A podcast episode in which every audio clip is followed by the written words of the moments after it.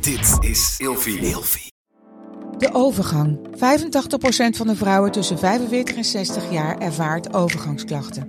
Klachten die kunnen leiden tot een verkeerde diagnose of langdurige arbeidsongeschiktheid. Wat kun je doen als je overgangsklachten ervaart? Hoe maak je dit bespreekbaar op je werk? En als jouw medewerker bij jou komt, wat kun je als werkgever dan doen? Sector Instituut Transport en Logistiek heeft een kennisplatform ontwikkeld waar jij terecht kunt voor tips en adviezen. Wil je hier meer over weten? Kijk dan eens op stl.nl/slash overgang. Eindeloos aan het woelen en draaien in de nacht en hou je je partner wakker? Het kan zomaar zijn dat je toe bent aan een nieuw bed. Gelukkig geeft Emma Sleep je nu 10% extra korting met de code RELATIEVRAGEN in hoofdletters. Op bijvoorbeeld de Emma Super Slaapbundel, waar je het bed gratis bij krijgt. Dus ga snel naar emmasleep.nl en bestel jouw bed. Ik ben Inke Nijman en ik deel graag als relatietherapeut en seksuoloog mijn gedachten met jou in deze podcast. Verlangens. Verlangen naar een aanraking. Verlangen naar een passievolle zoen. Verlangen naar een opwindende vrijpartij. Of een verlangen naar een andere man dan de jouwe. Of misschien verlang je wel naar meerdere seksuele partners tegelijkertijd. Een erotisch feest of het experimenteren met mooie producten. Verlangens zeggen vaak iets over wat jij wil dat er nu niet is. Je kan intens verlangen naar iets of iemand en zolang dat verlangen niet vervuld raakt, zal dat verlangen blijven bestaan. Geef je er gehoor aan, dan zal je merken dat dat intense verlangen zal afnemen. Verlangens kunnen over van alles gaan. Het kan je fantasieën beschrijven om seks te hebben met meerdere partners of op een openbare plek. Maar je verlangen kan ook zijn naar een fijn seksueel contact met je vaste partner. Je kan ernaar verlangen om überhaupt aangeraakt te worden, maar ook om eens op een andere manier te vrijen met je partner of met jezelf.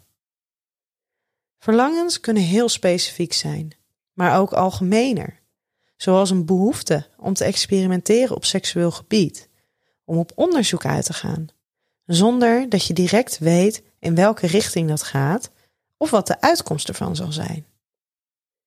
Het kan heel belangrijk zijn om jouw verlangens duidelijk te maken aan je partner.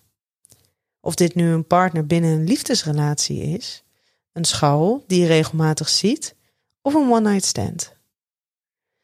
Met nadruk staat er dat belangrijk kan zijn. Want soms mogen jouw eigen verlangens gewoon van jou zijn, zonder dat je deze met iemand deelt. In veel situaties kan het echter fijn zijn dat je je verlangens kan delen. Vooral als je wil dat er naar gehandeld wordt en jouw verlangens dus beantwoord worden. Maar hoe doe je dat nou? Het lijkt heel voor de hand liggend, namelijk doordat je met je partner communiceert over wat het is dat jij ze graag zou willen. Alleen maar communiceren. Dat lijkt zo eenvoudig nog niet. We hebben woorden waarmee we kunnen praten en zoveel kunnen zeggen. Maar de meeste mensen ervaren het als ontzettend ongemakkelijk als ze over een onderwerp als seksualiteit moeten praten. Laat staan als ze expliciet moeten benoemen wat zij dan zouden willen.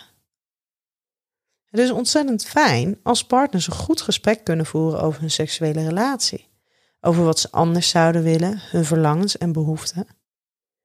Maar naast een goed gesprek kan je ook op andere manieren denken om te communiceren.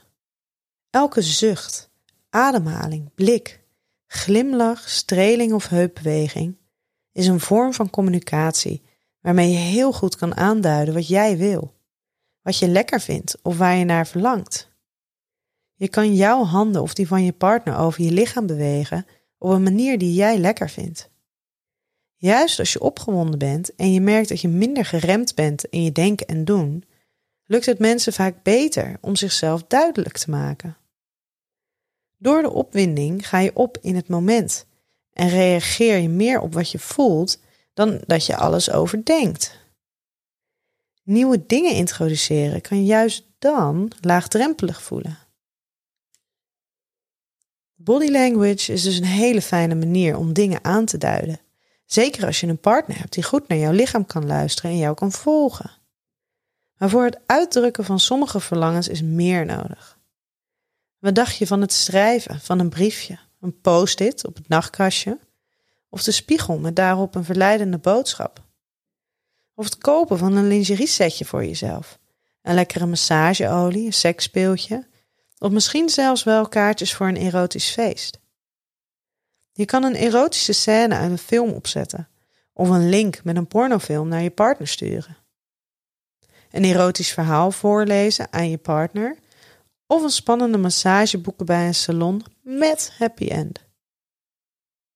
Met al deze handelingen communiceer je ook.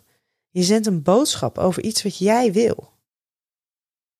Ten slotte wil ik nog iets belangrijks kwijt over fantasieën die je hebt.